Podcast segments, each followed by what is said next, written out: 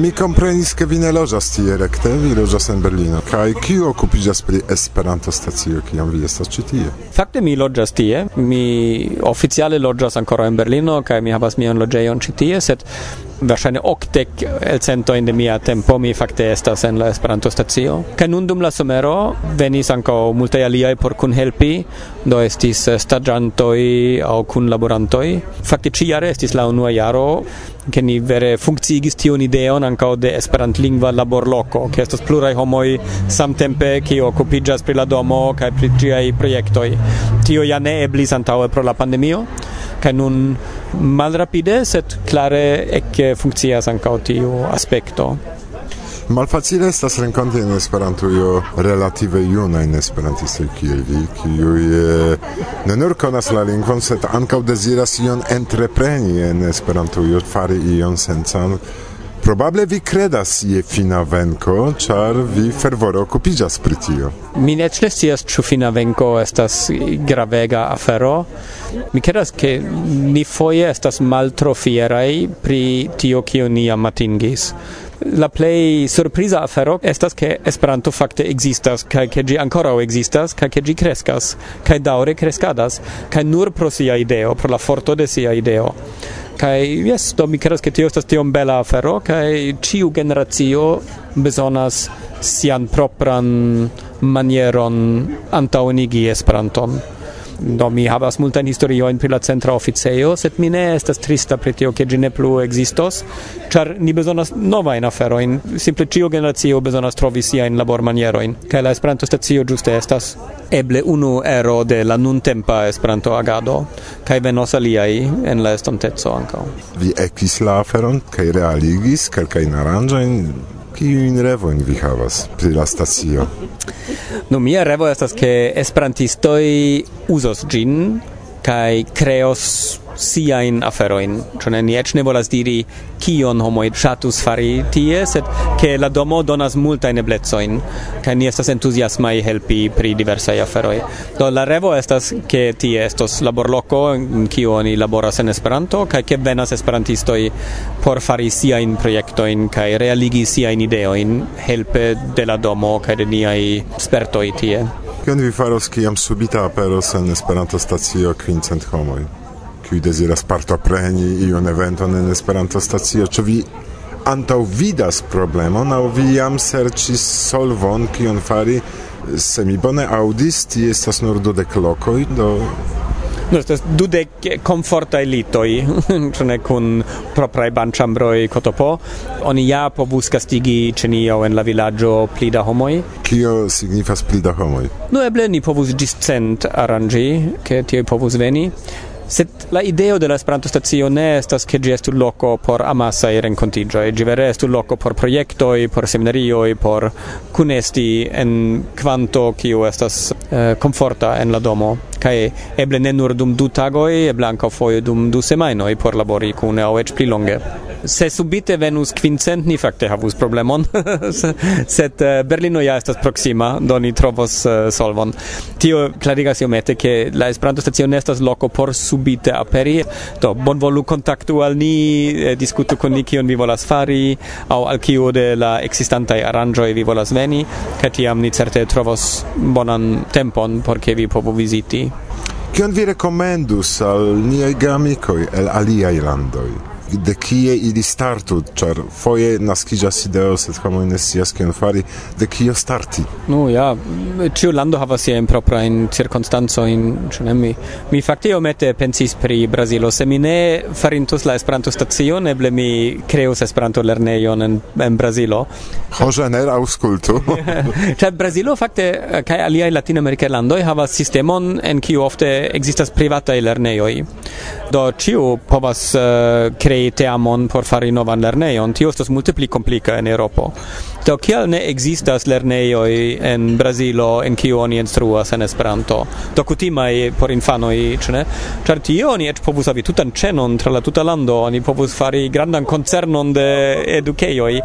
Do iomete mi volus ke homoj vidu tiujn eblecojn, ke la eblecoj de Esperantio ne estas limigitaj al iuj renkontiĝoj aŭ iuj babilejoj. Se oni kreme pensas pri ĝi, ankaŭ eblas eh, pensi pri ĝi komerce aŭ por crei sian propran laborlokon aŭ laborlokojn eĉ por pluraj homoj do ni ne limigu nin tiom kaj ni omete fiero pri kiom nekredebla reto de homo ni jam estas kaj kiom da spertoj estas en Esperantio kaj ni foje tro diskutas pri iuj detaloj kaj ne fokusiĝas al tiu trezoro kio ni disponigas apud vi sidas lernanto kiu venis kune kun vi kaj ŝajne lernis Esperanton eh, en eh, Esperanto stacio interalie. Saluton, kiel vi nomiĝas? Ah, mi nomiĝas Hafiz. Uh, eh, mi estas komencando en la uh, lingvo Esperanto. Mi loĝas en Berlino, sed mi estas en Indonezio. El Indonezio al Esperanto stacio do la mondo estas malgranda. Ĉu plaĉas al vi en Esperanto stacio? Estes uh, bonege en la Esperanto stacio. Ni faris uh, ekskursojn kai mi lernis uh, kun Ralf. Ralf uh, estis la uh, instruisto kai ni tiui um, iris al lago, ni dancis anko Do apartaj saluto al Ĝakarto kaj esperantistoj tie, ĉar estas en Indonezio sufiĉe multe da in nur kai ili estas tre aktivaj. Do vi rajtas iun saluti aŭ diri iun mesaĝon por esperantisto de la mondo. Ah, ĉu mi salutu mian patrinon? Sed ŝi ŝi verŝajne ne aŭskultos. Uh, fakte mi ŝatus saluti homojn eh, mi renkontis en Esperantio antaŭ multaj jaroj jam. Eh, no, mi lernis Esperanton antaŭ pli ol 30 jaroj kaj ankoraŭ ne ekzistis Facebooko tiam, do oni perdas kontakton foje kun homoj. Do se iuj aŭskultas tion ĉi, kiu perdis kontakton, eh, nun estas ebleco retrovi unu la alian, mi simple povas kontakti per Facebooko aŭ Instagramo de la Esperanto stacio. Kaj ĉu vi deziras saluti ion en uh, Indonezio? Ya, yeah, uh, untuk para pembicara Esperanto di luar sana, uh, yeah, saluton. Aha, aha, aha. Koran dankon Ralf pro la renkontiĝo kaj mi povas promesi ke ni kiel Varsovia vento do la teamo ne nur mi se nur eblos ni jetos iun alumeton al la brulfejrejo por ke la flamo estu pli Granda. Conan dankon pro la renkontiĝo kaj ni okupiĝu pri eh, la biero nun. Yes, yes. Uh, char uh, tio estas tio ankaŭ estas grava parto, ĉu ne ke ni amuziĝu uh, kune do dankon pro la intervjuo kaj um, ehm, venu al la stacio kaj por kunsidi aŭ por danci kaj festumi. Mi povas nur ardoni bla bla bla.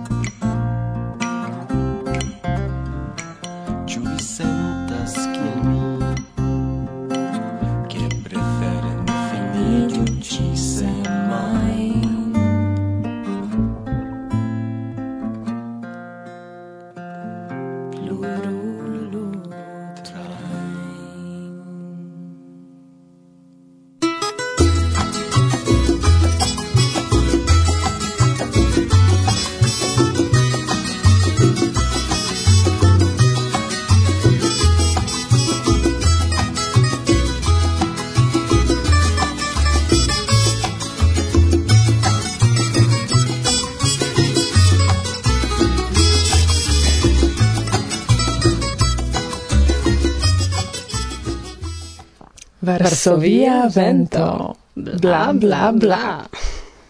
Saluton. Dum la somero, inter alie pro kialoi, kiuin ciu el intervisen dube comprenos, ne tro proxime mi estis al la agado esperantista. Tial, compreneble, ne multe mi interesigis ancau pri la nova numero de Monato. Do ne mire ke surprizita mi estis, ke dume aperis eĉ du eldonoj preskaŭ sinsekve, la augusta kaj septembra kune, kaj eĉ la oktobra imagu. Kaj nun mi havas veran dilemon, kiun monaton prezenti. Prenis mi do unue la plej freŝan kompreneble, kaj mi ne malkaŝos, ke trafoliumis mi ankaŭ pli fruan duoblan eldonon homoi. Suficis kelkaj minutoi cae mi sentis min quasau kiel tiu conata sciencisto, kiu trafita per pomo entusiasme criis laute. Eureka! Tiom da novajo, interesei articoloi, fotoi, mm, mm, mm, En la plej fresha oktobra speciale turnis mian atenton artikolo de Gerrit Berveling subtitolo Bela verko re estas jenia dispono. Pri kio temas? Auskultu! Parnasa Gvidlibro komenciĝas per balado. Gin ne preciu legu, char gi estas bela poezio. En la presento de Mauro Nervi oni prave povas legi, ke en la jaro 1932, ce la unua eldono, la sistema studo pri la Esperanta metriko iam aspektis iel moda Tamen, en Esperanto dum jardekoj ĝi plenumis sian taskon. Nia lingvo internacia ja neniel estas laŭ tiu tutmonda kulturo evoluo. Esperantistoj estas mia takse kutime iom specialaj, skribas Gerit. Nun aperis nova eldono, ĉifoje kun ekstra kvara aŭtoro, amiko kolego Nikola Ruggero. Salutojn, Nikolka! Helpemai manoi kai entuziasmai koroi de Nicola Ruggero estas nova capitro kiu quasau completigas la tradician fundamenton de nia Esperanto poezio. Kai la alia artikolo kiu tuj frapis mian atenton titoligas Restauri indigenain nomoin en taxonomio de Donald Rogers, correspondanto de Monato en Novzelando. Auscultu.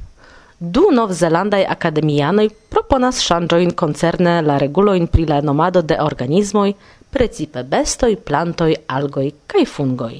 Profesoro Len Gilliam kaj doktoro Shane Wright volas ke sciencistoj agnosku la kontribuon de indiĝenaj popoloj al scienco. Tradicie taksonomoj emfazas la unuajn oficiale publikigitajn nomojn prefere al jam antaŭe ekzistantaj indiĝenaj nomoj. Gilliam kai Wright argumentas ke jam estas tempo por adaptira protokoloin kai lau eble favori indiĝenajn nomoin. Kiam biologoi enkondukas novan specian nomon, ili ofte ignoras delongę uzata in indigena in nomoin. Tamen existas iui esceptoi en kiui oni jam utiligas indiĝenajn nomoin.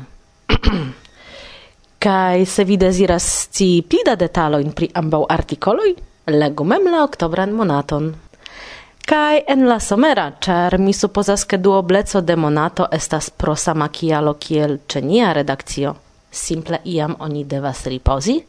Mi trovis artikolon de jam konata de mi Julius Hauser, korespondanto de monato en Slovakio, informojn pri la internacia tago de paco.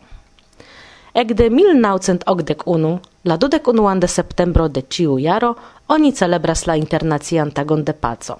Ci okaze En la ĉefstabejo de Unuiĝintaj Nacioj en Novjorko sonoras pat sonorilo, gisitaj el metalaj moneroj donacitaj de infanoj el ĉiuj kontinentoj krom Afriko. En 1981 la Generala Ensemblo de Unuiĝintaj Nacioj deklaris per rezolucio la trian mardon de septembro Internacia Tago de Paco, dedicita al tutmonda cesigo de la konfliktoj kaj al la idealoj de paco. Dudek jarojn poste oni electis fixitan tagon por la celebrado. Kaj okaze de la Internacia Tago de Paco ankaŭ la 21 de septembro 2021 en la slovaka ĉefurbo Bratislavo okazis internacia pacforumo sub la nomo Unuiĝintoj por Paco. Do karaj, mi daŭre malkovras, ke ĉiutage oni povas lerni ion novan el monatoj.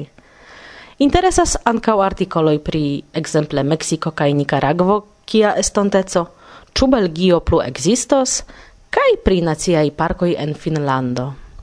Kaj kompreneble tio ne estas ĉio. Pli multe da interesaĵoj malkovru mem, ĉar malfacilas priparoli ĉion. Kompreneble la temo antaŭ mi estas ankoraŭ malferma, ĉar iregdonis al mi ambaŭ eldonoj por ekscii ilin du semajnoj antaŭe. Eble, se mi havus ilin paperforme, mi legus plezure la revuon post revuo, dum kiam mi pasas tempon en metro, busoj kaj tramoj. Sed el ekranu de mia telefono ne vere mi emas legi. Restis nur la lacaj vesperoj, postreveno heimen, sed mi ne bedaŭras tempon dediĉitan al legado de la artikoloj en monato. Multfoje ili estis pli interesaj ol proponoj de la pola televido. Jes, kredu al mi. Do prifajfu ankaŭ vian lokan televidon kaj antaŭ dormo elektu monaton kai ne demando min kion mi faros kiam mi finos kun laboron en la provizora studio de Varsovia Vento ce Irek kai revenos heimen Tion ja jam viscias. Kun koraj salutoj al ciui dankal kiuj fabeloin de Andersen mi anstatauigis per monato. Mi invitas vin aŭskulti ancau la aliain programeroin de nia post somera el elsendo. Ek!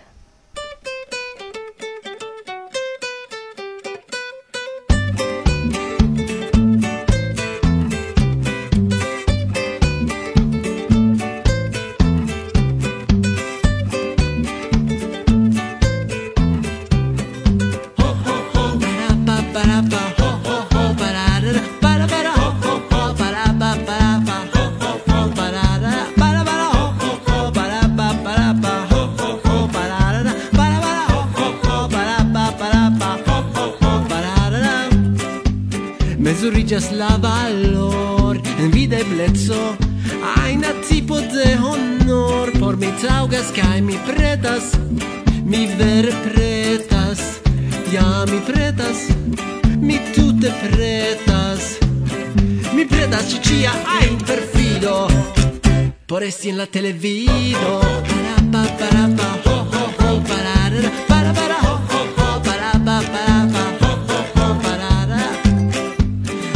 estu la idol Ni multai vizas Trolon nin en alkohol En schlossita gis mi pretas Ni ciui pretas Ja ni pretas Ni tute pretas Ni pretas ci cia ein perfido Por esti en la televido.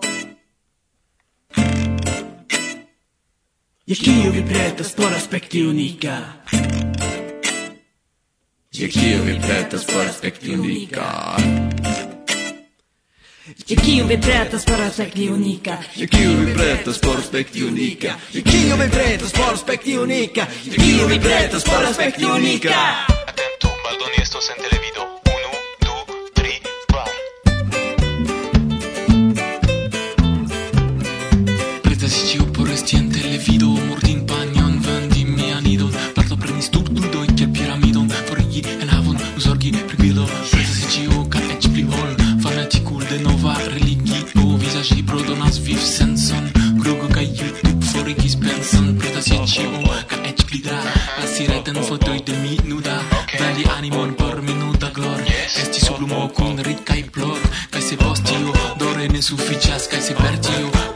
ne famiĝas.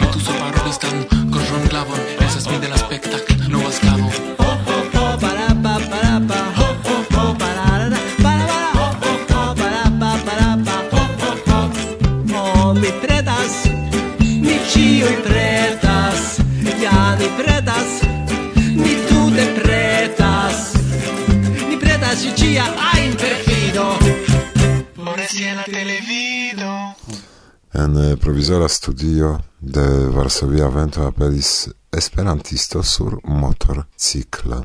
Saluton! Saluton! Mi estas Nuno el Portugalio. De Portugalio vi venis motorcikle al Varsovio? Tra Norvegio, yes, kai Finlando. De kvar landoj, la mia kalkulo. Ĉu vi kolektas tiujn magnetojn por Fridujo? Mi provis, sed ĝis nun mi nur, nur trovis du fakte, sed sufiĉas por tio. Eh, Norvegio por Portugalo estas tre taŭga pro temperaturo. Eh. Mi supozas do mm, mi komprenas ke vi elektis tiun parton de Eŭropo. Ĉu tiu vojaĝo iel ligiĝis kun Esperanto? No, la la komenca celo estis viziti familion en Norvegio, do tial mi iris tien. Kai mi provis eh, ke estu iom da Esperanto en en la vojaĝo, sed eh, pro tio ke mi vere ne planas kiam aŭ kie mi estos por tranokti, estis iom malfacile trovi glasiganton per eh, pasporta servo al simile, do ĝis nun fakte la nura Esperanto en la vojaĝo estas fakte en Varsovio. Nenion alian vi renkontis survoje? Ne, fakte ne. No mi provis kontakti homojn, sed ja, estis ĉiam tagon antaŭ do tio ne vere taŭgas. Eble pro pandemio, ankoraŭ pro timo kontraŭ viruso, ili timis respondi aŭ akcepti vin. Mi ne vere scias, mi apenaŭ klopodis eh, verdire. Mm, do homoj kiuj loĝas survoje de Portugalio al Norvegio nuntempe povas bedaŭri ke Vi perdis okazon renkontigi kun Nuno, kiun mi konas ekde dudek jaroj fakte. La unuan fojon en Varsovio vi aperis en 2005, ŝajne, se mi bone memoras. Por eh, uh, Joko, ĉu? Aŭ Aso, unu el tiuj? Joko en Zakopane. Mm, ĝuste, jes, mi memoras tion. mi maljuniĝas. ne nur vi, ne nur vi.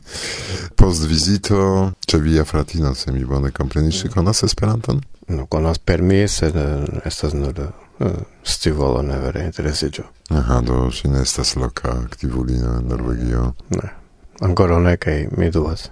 Ŝi jam okupiĝis pri la norvega, do tio sufiĉas por ŝi. Mhm, da jes, ŝi devis lerni la alian lingvon.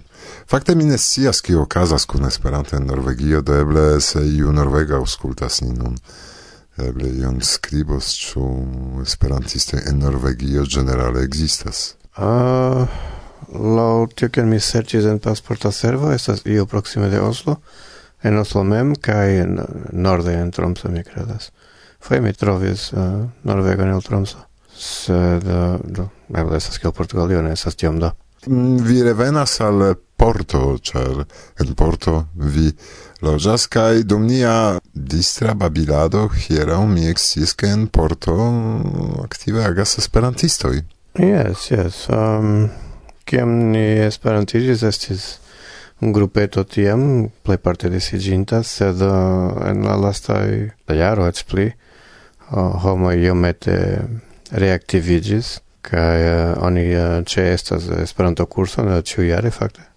Cada la, la Esperanto grupeto de Porto fakte iĝas iomete pli aktiva. Eĉ havas uh, improvizitan bultenon foje, uh, unu paĝan por ne timigi. Kaj um, ĉiu monate ni renkontiĝas fakte en kafejo, kiel kutime, do estas tre morgaŭ fakte ni renkontiĝas virtuale ankaŭ kaj reale, do ni provas uh, iomete reaktivigi la movadeton en Porto, do estas ĉiama muze. Kaj vi faras dum la renkontiĝoj? Trinkivieron, che kutime, kaj klaĉi en Esperanto. Do, la kutimaj aferoj? La kutimaj aferoj estas klaĉi en Esperanto. en Esperanto, yes. sed no, esas... Esas... um, boneto sa grupo de amikoj kaj ankaŭ estas... Uh, Fakte, sufiĉe manpleno da eksterlandanoj kiuj estas en Porto kaj ankaŭ esperantistoj do aperis tie ukrainino polo last uh, last konvene belruso, eh, usonano, do, ja, estas sufiĉe punta grupo nuntempe, estas agrable. Kio estas interesa en Porto, por ke homoj deziru viziti ĝin la urbon? Estas la plej fekmojasa urbo de la mondo, evidente. Kaj mi loĝas tie, do tio eĉ eh, altigas la nivelon de ĝi. Kaj vino verde estas produktata en Porto? Uh, ne, ne vere. Uh, estas nordokcidente, se mi bone memoras. Porto nur nomas la portvinon fakte. Vino, fakte. Kaj de kio estas ankoraŭ konata porto? Mm, eble piedpilko ŝajne, se mi ne vere interesiĝas pri tio. Kaj magnetaj bildoj sur fridujo. Nu, certe ĉie, sed en la tuta mondo estas tiaj. Tiaj maniaj, mi kredas. Eh, neniam mi demandis vin fakte, en kiuj cirkonstancoj vi ekinteresiĝis pri Esperanto kaj kial? Um, du flanke mi credas iam mi decidis che mi estus verkisto certamente ne okazis kaj en iu ajn sciencfikcia estonto homoj parolus eh, saman lingvon kaj ambivalente pri tio kun uh, familiano ŝi diris ke ja jes fakte via pravo paroli Esperanton. Kaj mi malkovris ke kelkutime unu alia el miaj brilaj ideoj jam estis fakte inventita. Kaj per tio mi trovis la lingvon kaj trovis ĝin interesan. Logis min la, la, la ideo ke homoj havu duan lingvon por paroli kun uh, ĉiuj en la mondo, verdire. Kaj la fakto ke mi estas nun ĉi tie estas pruvo de tio, no? Estas tre agrable Mm. Mm-hmm. Permesu al ni nuntempe trinki sanon de niaj ĉiuj konatuloj, ĉar ni havas slovakan alkoholaĵon, kiu nomiĝas tatrański czaj, je via sano karaj geamicoi kaj aŭskultantoj rekte de Varsovio kaj de Nuno. Gis revido. Do kia vi planas aperi hejme? Um, post semajno, kredeble, ĉar uh, mi volas alveni kelkajn tagojn antaŭ ol mia eh, feritempo finiĝas, por ke mi havu tempon ripozi. Kiel aspektas tiu longa motorcikla vojaĝo? Ĉu vi sentas vin vere laca post distanco? Kiun distancon kutime vi elektas? Averaĝe pli malpli ses al sep horoj tage aŭ pli malpli sescent kilometrojn. Vere dependas de la ŝoseoj, de la vetero, de la rapidlimoj, ĉar kiam vi estas eksterlande vi devas esti bonkondukta homo, do sed estas pli malpli tio, do cent kilometrojn ĉiutage. Ĉu vi sentas vin laca post tiu vojaĝo? Uh, yes, iomete, ĉefe pro la no, vento, sed um, mm, tial mi ĉesas veturi mm, pli malpli vespere, do la kvaro e la kvina mi haltas ie kaj provas trovi lokon por mm, tranokti, do je la sesa mi kutime jam estas en iu en loko parkite, duŝinte kaj promenante iomete por havi tempon ripozi, birumi kaj sekvantagon rekomenci do. Eble ne diskreta demando, sed kiom da euro ĝis nun vi elspezis pro benzino? Uh, mi ne scias. Se mi povas poste kontroli. Ĉu ne pli facile estis preni flugon? Certege, sed ne tiam amuse. Kaj mi volis fari tion ĉi vojaĝon jam dolonge, sed um, kialoj kaj pandemio kaj ĉio do kaj et tiel mi devis ŝanĝi iomete la itineron, sed um, ja volis fari tion delonge. Do bone, mm, ni dedicos nin al la resto de la distra vespero, kiun ni jam komencis antaŭ la intervjuo, kaj vin ĉiuj ni salutas kaj invitas al kontakto kun la porta grupo de esperantistoj. Estas paĝo Esperanto Porto en Facebook kaj foje ankaŭ aperas eventoj en eventa servo pri ĝi aliĝu al la grupo por vidi kio okazas en la urbo kie oni produktas bonan porto vinon. Oni fakte produktas kaj maljunigas ĝin en la urbo trans la rivero, kiu nomiĝas Gaja, kaj porto simple nomas la vinon. Tamen estas bongusta likvoro, se vi ŝatas tion. Kaj kun nuno ni nun diras al vi ĝis revido. Reklamo. Mankas reklamo. Kaj poste homoj plendas, ke nenion scias. Bla, bla, bla.